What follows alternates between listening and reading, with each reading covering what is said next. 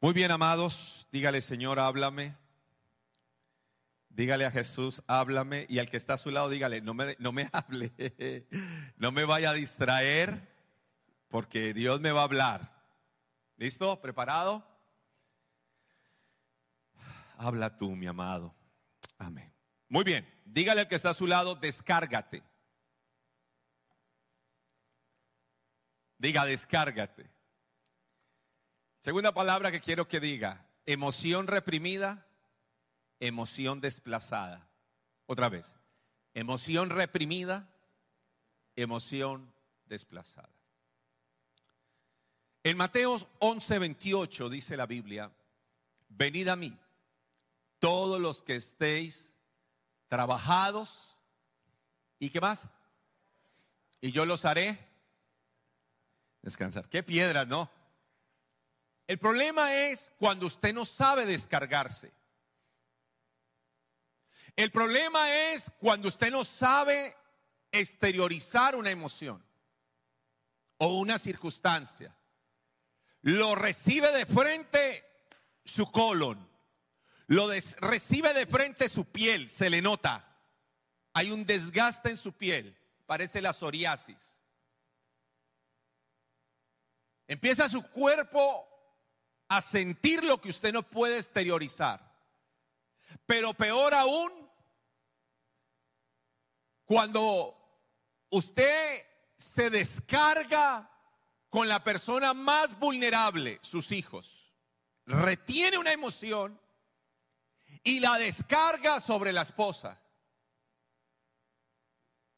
La descarga sobre el esposo porque reprimió eso porque no lo habló, porque no lo expresó, porque no se comunicó. El salmista dice, mientras me quedé callado, me envejecí.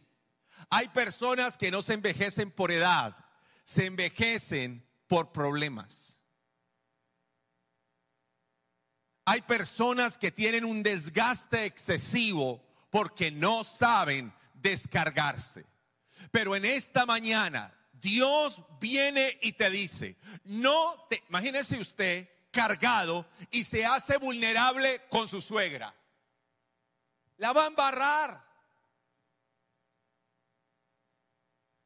Usted cargado y se hace vulnerable con sus empleados. Se va a equivocar.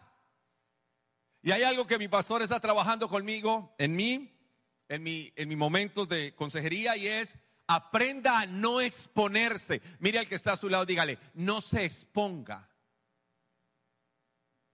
¿A qué? A que la gente lidie con su humanidad. Su humanidad la lidia en Dios. Cuando te expongas a la gente, sabes que te vas a hacer vulnerable. Entonces escoja a quién se hace vulnerable. Jesús no a todos se mostró como se mostró a los apóstoles cuando estaban en el Gexemaní, a Juan, a Pedro estaba ahí también en ese Gexemaní, Jacobo creo que también estaba. Se hizo vulnerable a ellos porque ellos podrían entender y manejar su humanidad. Pero el problema es que te expones a gente que no maneja tu humanidad. Por eso Jesús viene y dice, descárgate conmigo. ¿Qué dice Jesús? ¿Lo dice o no? Coloquemos el versículo nuevamente. Gracias, hijos. Venid a mí, ¿cuántos? Solo las mujeres. No, también los hombres. Vamos, dígalo. Venid a mí, los que estéis como. ¿Y qué hace Él? Vamos, ¿qué hace Él? Te hace descansar. Porque cuando abres tu corazón, cuando te haces vulnerable, cuando te expones a Dios, Él te hace descansar. Y yo quiero invitarte de parte de Dios en esta mañana a que te descargues en Él. ¿Qué pasa cuando no te descargas? Mantienes situaciones no resueltas en tu corazón. Y una, una situación no resuelta más otra no resuelta es un perfecto conflicto entonces sobredimensiona las cosas, entonces sobredimensiona la respuesta que das a cierta cosa. Ejemplo, usted llega a su casa, viene sobrecargado y tu esposa te dice, eh, no te da beso al llegar, sino que inmediatamente te pone una queja y usted explota. Y ella te dice, no es para tanto, ¿por qué te pusiste así? Porque hay una, unos asuntos no resueltos. No es culpa de ella, son cosas que no has traído a Dios. Jesús te lo repite en esta mañana, venid a mí. ¿Cuántos? ¿Con qué característica trabajados? ¿Cuántos trabajan aquí fuertemente? Todos. Y están como cargados.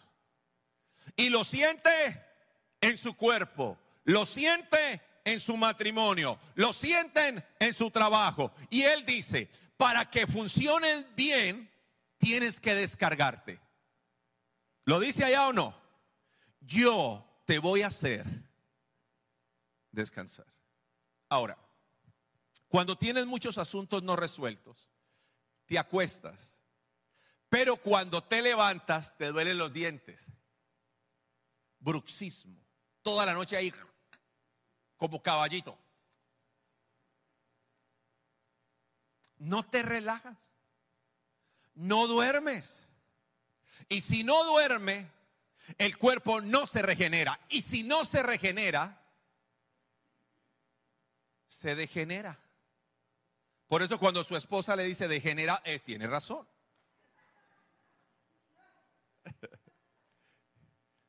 No es un decir nada más. Venid a mí, ¿cuántos? Repítalo. Los que estáis y, y yo los haré. Entonces el descanso, escúcheme, se volvió un mandamiento. Increíblemente, aún dentro del decálogo de Moisés, el descanso se volvió un... Y encontré esto en la Biblia, que el descanso como mandamiento no está sujeto a un día sino que está sujeto a venir a Él. Ahora al final vamos a entender eso. Así que descárgate. En el pensamiento bíblico cabe mencionar que se valora la salud emocional y mental como prioridad igual que la espiritual. En el pensamiento bíblico, la salud mental y la salud emocional es tan relevante como la espiritual. Es más, la Biblia lo dice, aquel que no provee para los suyos ha negado la fe, para los de su casa, ha negado la fe y es peor que un incrédulo. O sea, provisión, diga conmigo, provisión. Otra vez. Tercera vez, provisión. Ahí los que están en casa les mandamos un fuerte abrazo. Pro, dígalo allá en casa, provisión. Dígale a su marido, provisión. No, provisión, provisión. Provisión es pro antes visión. O sea que si usted ve que los zapatos de su esposa se están desgastando, ya qué debe de hacer? Proveerle antes. Si usted ve que ya el maquillaje se le está acabando, ¿qué debe de hacer? Porque se pone nervioso, no se ponga nervioso. Solo es un ejemplo. Solo estamos dando ejemplos. Se llama pro Ahora, cuando no se vuelve una provisión, entonces se vuelve una urgencia. Algunos no comen por provisión, comen por urgencia. La Biblia le da una relevancia a que usted descanse. Por eso cuando usted se encuentra con alguien que tiene que es que es judío o conoce del pensamiento hebreo, es rara vez que te diga Dios te bendiga. Ellos no dicen Dios te bendiga, ellos dicen shalom. ¿Cómo dicen? Shalom ha. Y usted responde shalom. Shalom quiere decir paz, pero más que paz, eso tiene siete virtudes, pero me voy a centrar en paz. O sea, que lo que encuentra una persona a otra, inmediatamente le dice Shalom. Jesús dijo, mi paz hizo relevancia qué? Es más, dijo que los pacificadores verían a Dios.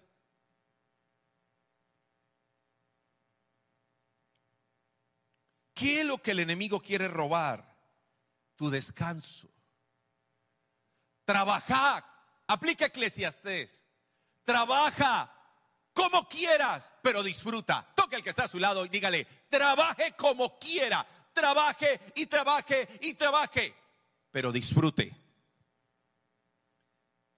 Porque hay una ley que dice en la Biblia que hay a quien Dios le deja trabajar arduamente, pero nunca disfruta de su labor. Le voy a enseñar a descansar hoy. Respire profundo. No, eso es respirar profundo. Todavía falta descansar, pero lo voy a enseñar a descansar. Por eso le dije que tome aliento. Porque la manera en que usted puede descansar es disfrutar. Si usted no disfruta de su esposa, se le vuelve una carga. Si usted no disfruta de su trabajo, se le vuelve una Es más, usted dice, ay no, yo me voy a ir a viajar a descansar. Cuénteme cuando regresa, cómo regresa. Cansado. No me voy a quedar todo el día en la cama, que hoy solo mi esposa me atienda en la cama. Cuando se levante, ¿cómo se levanta? Uy, cansado. Porque solo descansa el que disfruta. Haga lo que usted haga, busque siempre disfrutar de lo que hace y que no se le vuelva un mal. Hebreos 12.1 dice la Biblia. Por lo tanto, ya que estamos rodeados por enorme multitud de testigos de la vida de fe, o sea, ustedes mismos, quitémonos, quitémonos todo peso que nos impide correr, especialmente el pecado que tan fácilmente nos hace tropezar, y corramos con perseverancia la carrera que Dios ha puesto por delante. Ahora, ¿cómo lo hago? Entonces, versículo 2 dice, esto lo hacemos al fijar la mirada en Jesús, el campeón, ¿el qué? El campeón que inicia y perfecciona nuestra fe, debido al Vamos, debido al, otra vez, debido a, disfruta lo que haces. ¿Estás aquí? Disfrútatelo. ¿Estás allá? Disfrútatelo. ¿Vas a la playa? Disfrútala. ¿Estás en familia? Disfrútalo. Disfrútalo. Aún aquellas cosas que no son fáciles. Dice Jesús soportó la cruz sin importar la vergüenza que ésta representaba. Ahora está sentado en un lugar de honor junto al trono de Dios. Disfruta el momento. Entonces el Señor dice en su palabra, quitémonos ese peso que nos impide correr. Quitémoslo. Para quitarte ese peso, vas a tener que ser sabio en lo que le voy a decir. Para quitarte este, este peso, requieres elegir tus batallas. Quiero que dediques tiempo a ser consciente qué batallas vas a librar y con qué batallas no te vas a meter. Fue Dios hasta sabio cuando los israelitas salieron de Egipto que no los hizo pasar por el camino más corto para que no se desmayaran a causa de la batalla. Y Dios dijo, esa batalla no, elijo para ellos no que no se pelee, que ellos vayan al camino más largo, que se demoraban 42 días en llegar a pie, que vayan por allá, porque Dios vio que no tenían, no estaban preparados para pelear esa batalla. Entonces, no toda batalla tenemos que pelearla. A veces es mejor estar en paz que tener la razón. Si se trata de la razón, se la entrego. Quiero estar en qué? En paz. ¿Cuáles son las batallas? No todas se pueden pelear. A veces es mejor decir, lo siento, reconozco que me equivoqué. Porque a veces la batalla es en reconocer. Es que no reconoces nada. Como que no. Nada. En serio, yo creo que sí. y no reconoces. Entonces, una de las cosas que haces para quitarte ese peso que te lleva ahí encima es elegir qué peleo y qué no. ¿Cuántos eligen estar en paz en esta mañana por encima de la razón? Amén que. O sea, amén que sí o amén que no. Amén que sí. Bueno, no solo molesto. Ahora, quítate otro, otro peso. Aprende a reconocer. A ver. Hay gente que le gusta que le gusta sufrir en el amor. Y para ellos el amor es un sufrimiento. Y le voy a decir por qué. Porque el sufrimiento también genera adrenalina. Cuando una persona está sufriendo, el estrés es elevadísimo. Y en cierta medida, la adrenalina tan alta genera adormecimiento. Es más, genera hasta parálisis. Y hay personas que aprendieron que trabajar es el peor estrés, pero les genera tanta adrenalina que les gusta. Hay personas que les gusta los conflictos y dicen, no, a mí no me gusta el conflicto. Sí le gusta. Y lleva un peso de conflicto y lleva un peso de, de cargas emocionales. Porque le genera adrenalina. Lo mismo que genera ver un partido. ¿Qué genera un partido? Emoción. ¿Qué le genera? Adrenalina. Y luego hay un pico bajo de cansancio y de fatiga crónico. De tal manera que usted dice, uy, no, necesito dormir, porque generó mucha adrenalina. Escúcheme. En esto de quitarnos pesos que dice la Biblia, versículo anterior, por favor, colócalo, versículo 1. Quitémonos ese peso que te impide correr. Es aprender que las cosas se pueden hacer de manera diferente. Hay gente que le gusta sufrir en el amor porque le genera cierta adrenalina, cierta, cierta excitación eso. Es más, le dice a la esposa o al esposo, llevamos una semana sin pelear. Nos hace falta la peleita. ¿Con qué regularidad usted discute y pelea en su casa? Es como, como que les falta algo. Es que es más, cuando eso no pasa, dice, tiene otra. ¿Por qué? Porque a todo lo que yo le digo, dice que sí, tiene otra. Es decir, la persona refiere el peso que lleva encima es porque siente que así se tiene que amar. No, así no se ama. Se ama en libertad, se ama en paz. Mira, si yo tengo un problema con alguien, es un asunto que resolver. Pero tengo problemas con él, con ella, con él, con ella. Entonces es un asunto ya de mi corazón. No puede ser que tengas problemas en tu casa, en tu trabajo. Algo está pasando. Hagamos la prueba con un niño. Si un niño se porta bien en su casa, pero mal en la escuela, ¿dónde es el problema? Otra vez. Un niño se porta excelente en su casa, mal en la escuela. ¿Dónde es el problema? En la escuela. Pero, ¿y si un niño se porta bien en la escuela, pero mal en la casa? ¿Y si un niño se porta mal en la escuela, mal en la casa, dónde es el problema? En los padres, ¿cierto? Ahora, escuche esto. E, esto es, esto es importante.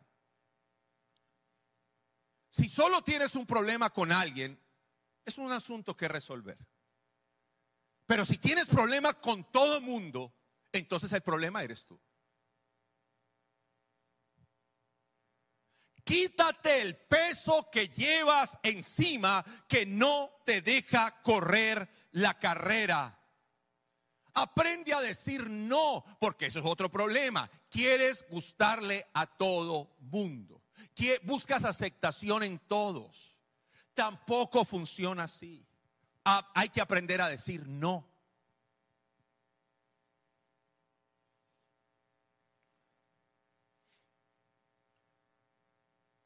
Mire este versículo. Salmo 69, 3. Aquí Dios les va a hablar un poquito más y a mí también. Estoy como, ¿qué dice la Biblia? ¿Cómo está la persona? De gritar por ayuda. Tengo la garganta, mis ojos están hinchados de tanto llorar a la espera de la ayuda de mi Dios. Para esta persona, la espera en Dios se le volvió un qué. ¿Qué se le volvió? Toma el encabezado. ¿Cuál es el encabezado? Agotamiento. Y eso es lo que busca el enemigo, agotarte, que pierda las fuerzas. Características de una persona agotada crónica, fatiga y cansancio constante, falta de emoción y apatía hacia las tareas diarias, irritabilidad y cambios de humor frecuentes, dificultad para enfocarse y tomar decisiones, pérdida de interés en las actividades que antes eran placenteras, aislamiento social y falta de conexión emocional familiar, problemas de sueño, insomnio y dificultad para conciliar el sueño. Me está hablando a mí. ¿Qué quiere decir? Que tienes un agotamiento crónico. El salmista habló de eso. ¿Cómo estaba? ¿Y qué estaba pidiendo a gritos? ¿Cómo tenía la garganta? ¿Qué más tenía? El Señor quiere sacarte hoy de ello, porque hoy la palabra era descárgate. Entonces, esto es lo que Dios me habló para ayudarle. Ah, escuche, antes de ir al, a la parte más profunda de esto, porque Dios, Dios va a hacer algo hermoso. Mire lo que dice Isaías 28:12. Eso es otro problema. Dios le ha dicho a su pueblo, aquí hay un lugar de descanso. ¿Cuántos dicen amén? Oh, aleluya. Que reposen aquí los que. Este es un lugar tranquilo para qué. Pero ellos no quisieron escuchar. Hay gente que aprendió que la vida es una fatiga y todo es una fatiga. Aprendió a fatigarse.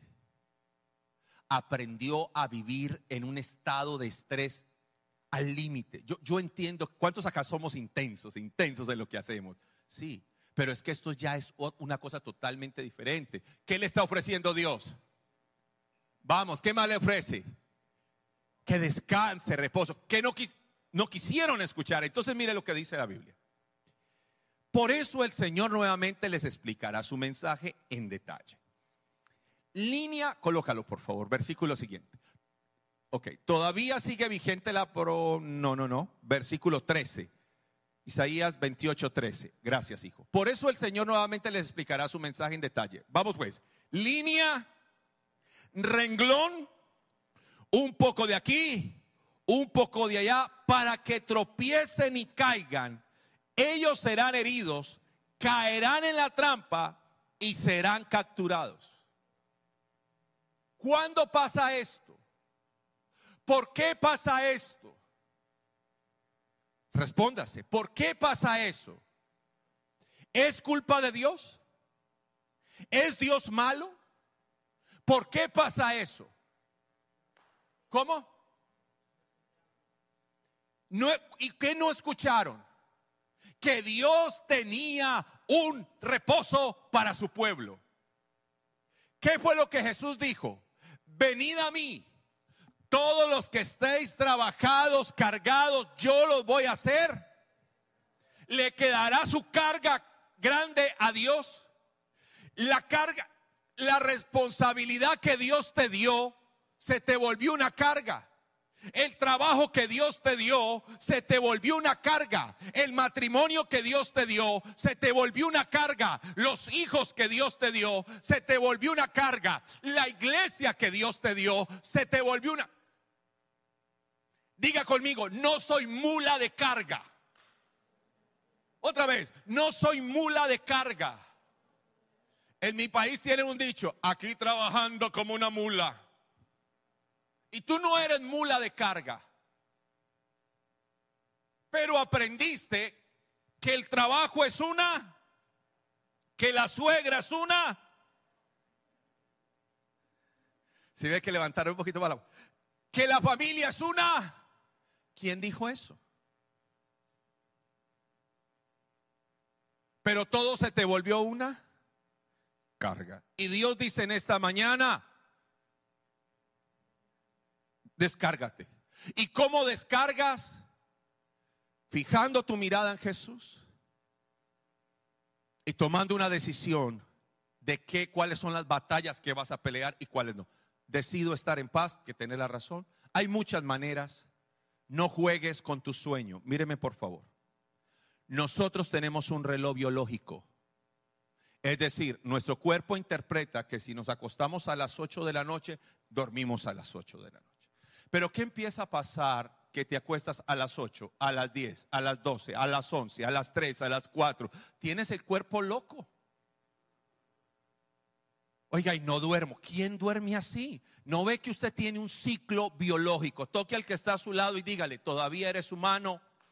Hay un ciclo. El cuerpo necesita de una hora exacta para dormir. Pero es que no me da sueño. Empiece a acostarse a todo. Apague el celular o apártelo para que...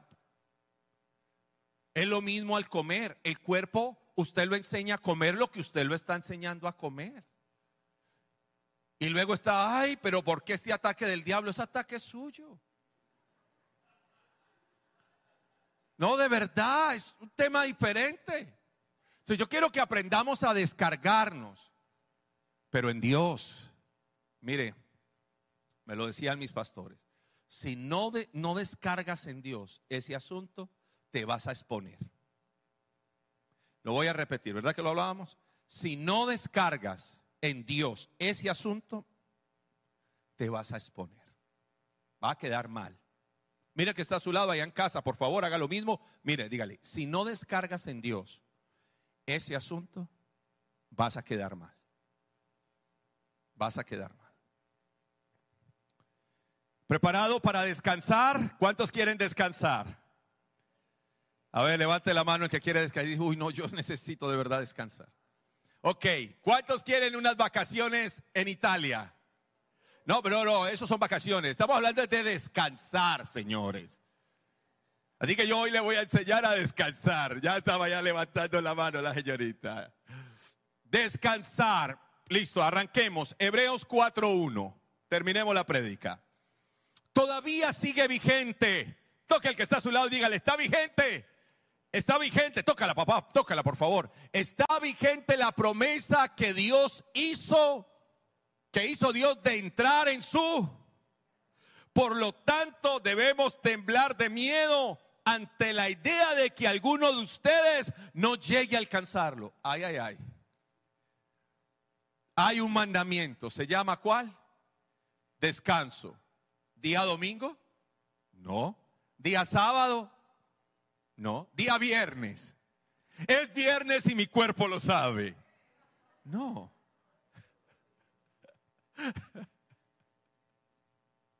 Debemos de, ¿cómo dice?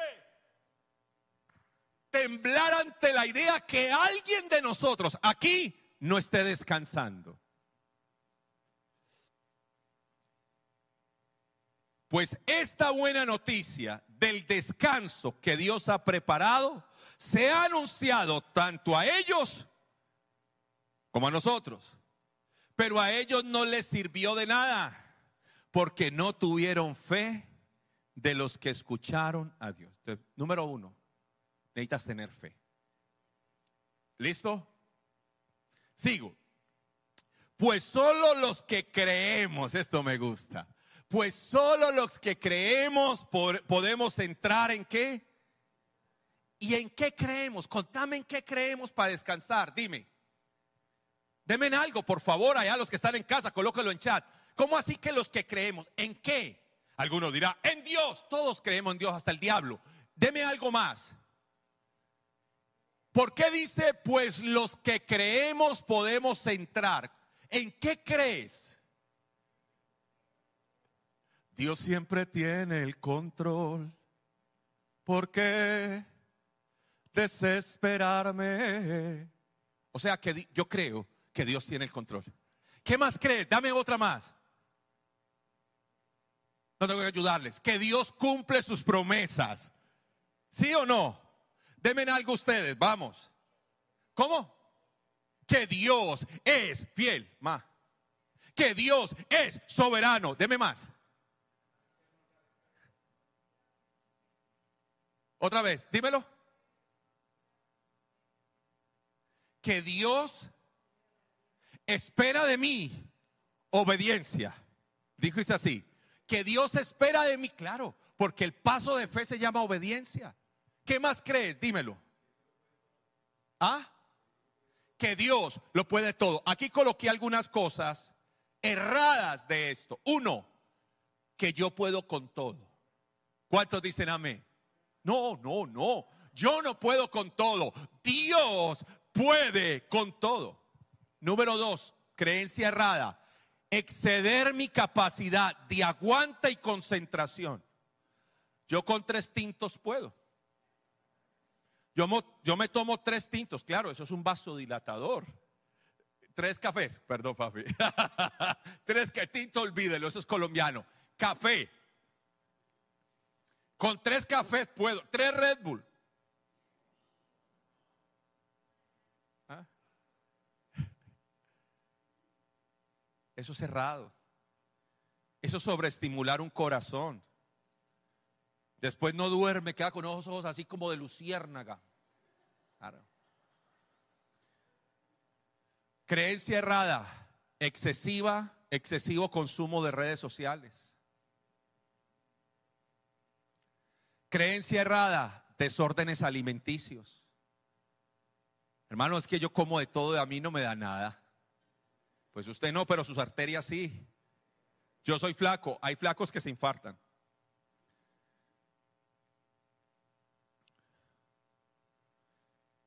Una más, dejar que la ira sea mi emoción predominante. Nosotros tenemos muchas emociones.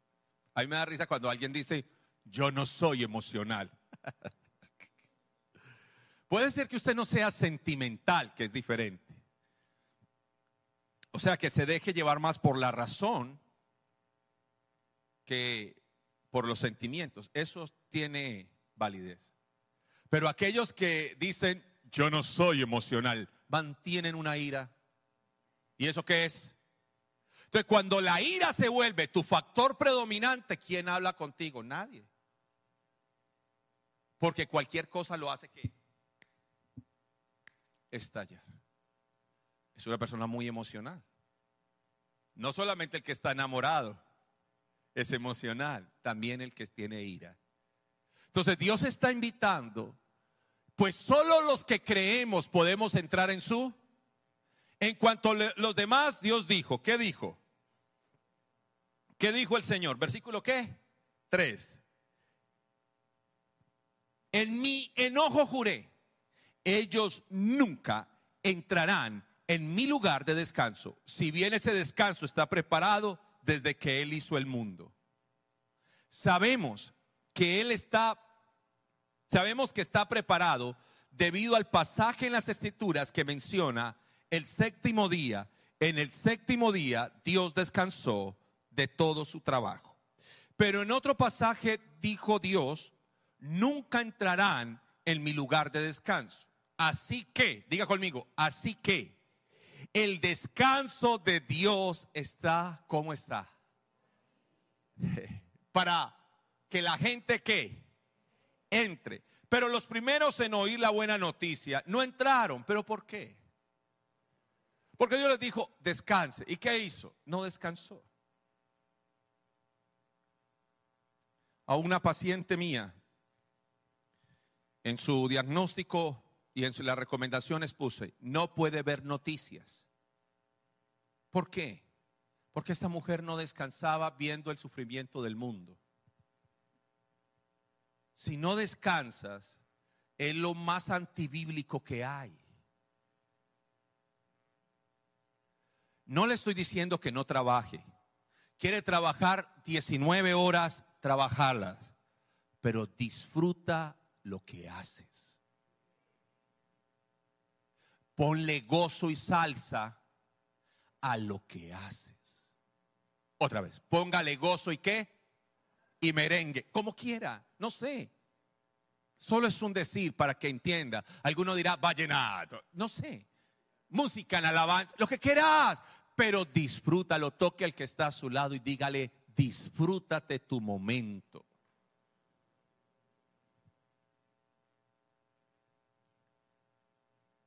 Escúcheme. Cumplís nueve mandamientos y uno no lo cumples, es igual que no cumplirlos todos. Por eso es que la ley, para nosotros cumplirla, es imposible. Por eso esto se llama gracia. ¿Cómo se llama? Gracia. Y en esa gracia Dios dice, descansa. Descansa tres días a la semana. ¿De eso está hablando? No. Descansa el domingo. ¿De eso está hablando? ¿De qué habla? De descargarte. ¿En quién? En tu suegra. En el pastor. La culpa es del pastor. La culpa es del pastor. ¿Ha escuchado eso? Eh, descarados. ¿Dónde está tu descanso? Vamos, ¿dónde está? ¿Qué es eso? Uh, no, no, no, dígalo de verdad, dígalo de verdad. ¿Dónde está su descanso? En Dios.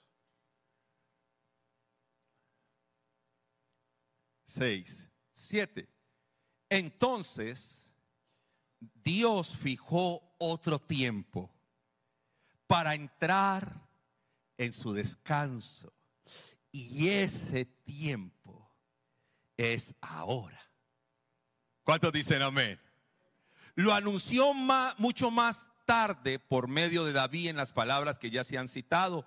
Cuando oiga su voz, no endurezca el corazón. Como eso es tan fácil, ahí ya lo endureció. Como para él es tan fácil, ahí lo endureció. Como a él no le toca que aguantarse el marido, que ahí ya lo endureció. Ahora, ocho. Ahora bien, si Josué hubiera logrado darles el descanso, Dios habría hablado de, Dios no habría hablado de otro día de descanso aún por venir. Así que todavía hay un descanso. ¿Cómo es ese descanso? Vamos, vamos, ese descanso ¿cómo es?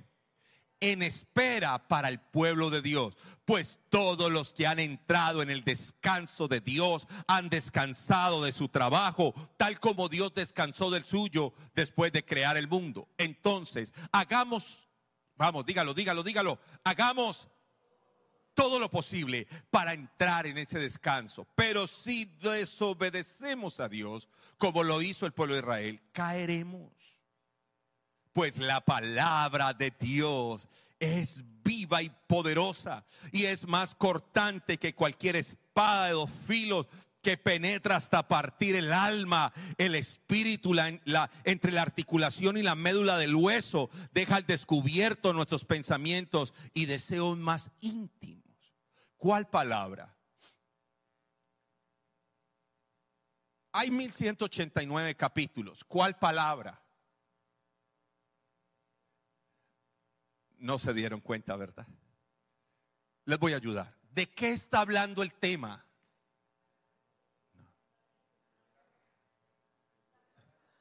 Del descanso y está diciendo que la manera de usted y yo descansar es en la palabra que es viva, que es poderosa, que es cortante, que es capaz de entrar hasta la articulación, hasta la médula del hueso y entrar a lo más profundo de los pensamientos y deseos más íntimos.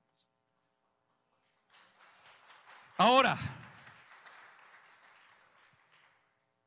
esa palabra usted no ha sentido que le da vida, que lo revive, ahí está su descanso.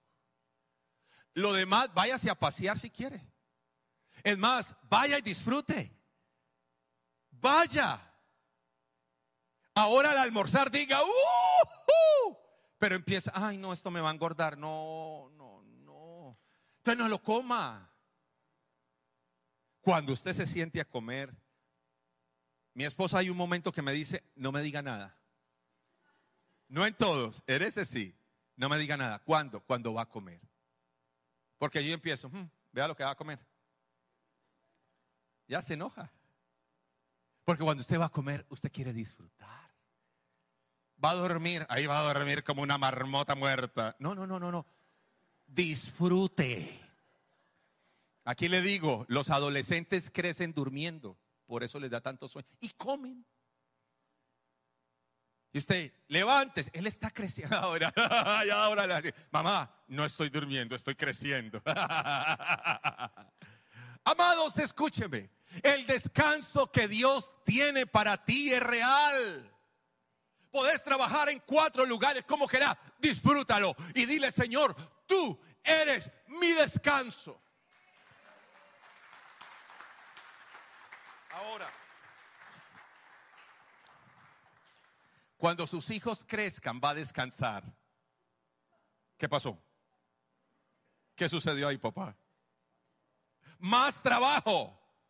Cuando, su, cuando lleven 20, 30 años de matrimonio, va a descansar. Cuando la iglesia lleguemos a ser mil, va a descansar. Cuando tengamos la cuarta empresa, va a descansar. ¿No qué? Cuando usted se case, va a descansar. ¿Qué es eso? Cuando usted viene al Señor y le dices, papá, tú dijiste en tu palabra, venid a mí los que estén trabajados, cargados, que yo los voy a hacer descansar. Tienes cuatro empresas y dices, ay, yo por qué tengo esto. El que no tiene también está así. A mí me da risa. La que está soltera es, ay Señor, no me dejes soltera, Padre. Ay, que yo me case, Señor. Y la casada empieza, Señor, te lo iluminas o te lo elimino, haz algo. ¿Qué es lo que quiere decir? Que nadie me puede dar el descanso que Dios me da. Que nadie me puede dar la felicidad que Dios me da.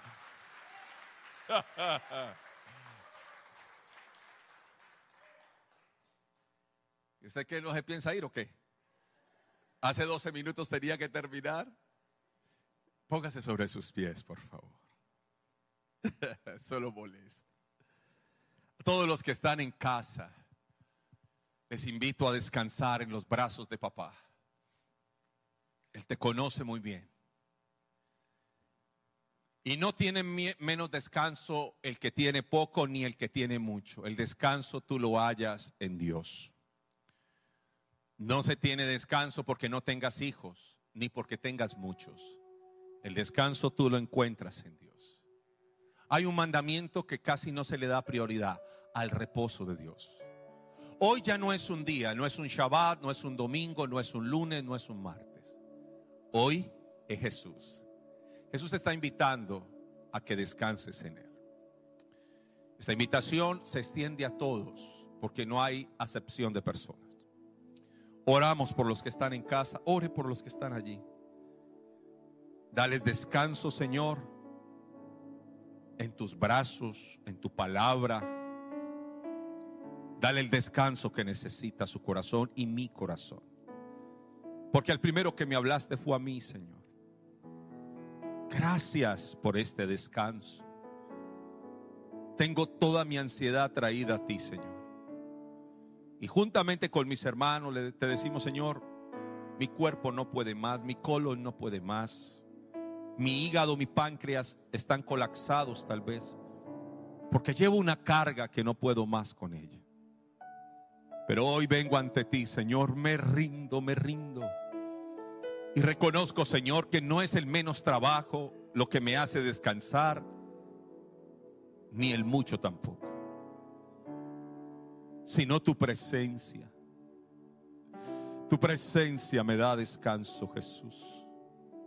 Y hoy tomo fuerzas en ti. Hoy tomo fuerzas en ti. Levante sus manos, por favor, y dile al Señor, yo tomo fuerzas en ti para seguir en mi matrimonio. Yo tomo fuerzas en ti para seguir con las empresas. Yo tomo fuerzas en ti para seguir, Señor, en la iglesia. Yo tomo fuerzas en ti. Tome fuerzas en Dios, levante sus manos y hágase fuerte en Él. ¿De dónde sacas tu fuerza? ¿De dónde sacas tanta fuerza? Y le puedes decir hoy, Señor, yo saco fuerzas de la debilidad porque yo tengo mi confianza en ti. Diga el débil, fuerte soy. Diga el vulnerable. Dígale, Señor, he madurado.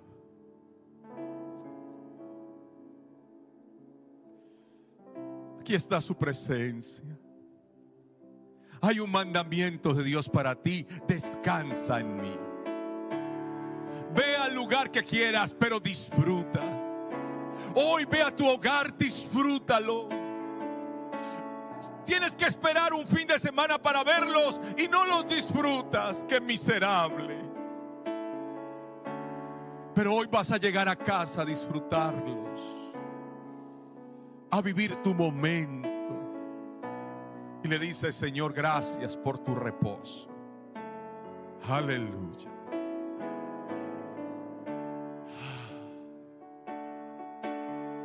Gracias, papá. Gracias porque hay un reposo vigente. Y cada vez que estoy cansado, es inagotable porque cada vez que estoy cansado, corro a ti. Y me das unas fuerzas.